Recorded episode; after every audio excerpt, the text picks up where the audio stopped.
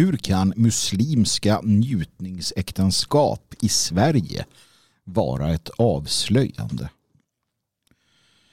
Jag blir så trött på hyckleriet, naiviteten och eh, dumheten. Uppdrag granskning avslöjar nu att imamer i Sverige erbjuder muta mot betalning. Muta är tidsbegränsade äktenskap som möjliggör prostitution och sexuella övergrepp mot barn. Och de har en lång tradition i arabvärlden, alltså sedan innan profeten Muhammeds tid. Och där lever och frodas den traditionen än idag.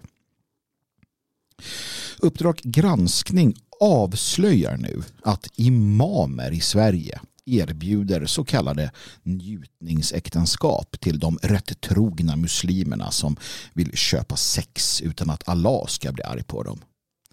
För en summa pengar blir sexet med den prostituerade flickan eller kvinnan halal eftersom de två är gifta. Då är det ju inte längre prostitution såklart. Det finurliga med äktenskapet är att det är tidsbestämt. Efter en halvtimme, timme, vecka eller månad så upphävs det per automatik. Osmakligt är det och långt ifrån alla imamer godkänner företeelsen. Men eh, icke förty är det relativt vanligt i muslimska, arabiska länder. Uppdrag gransknings medarbetare som spelat prostituerad har också fått erbjudanden från muslimska ledare runt om i Europa Leipzig, Haag, Oslo, Köpenhamn och London. Som sagt, traditionen lever och frodas. 15 imamer i Sverige, alla mottagare av svenska skattemedel, erbjuder Uppdrag granskningsreporter hjälp att ordna så sexförsäljningen blir halal.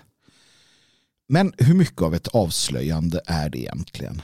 Den som är förvånad måste svara på frågan hur trodde du att det skulle bli? Hur trodde du det skulle bli om Sverige tog emot hundratusentals personer tillhörande en specifik religion och kultur? Trodde du inte att eh, de skulle ta med sig den hit?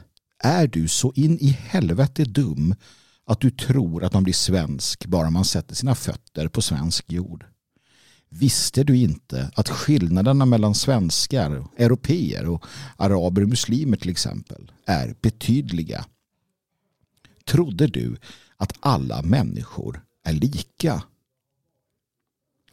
Vi som pratat om islamisering och en arabisering av det svenska samhället under många år är inte förvånade. Det är klart att arabiska muslimska kulturyttringar, där muta är en av flera, kommer följa med dem.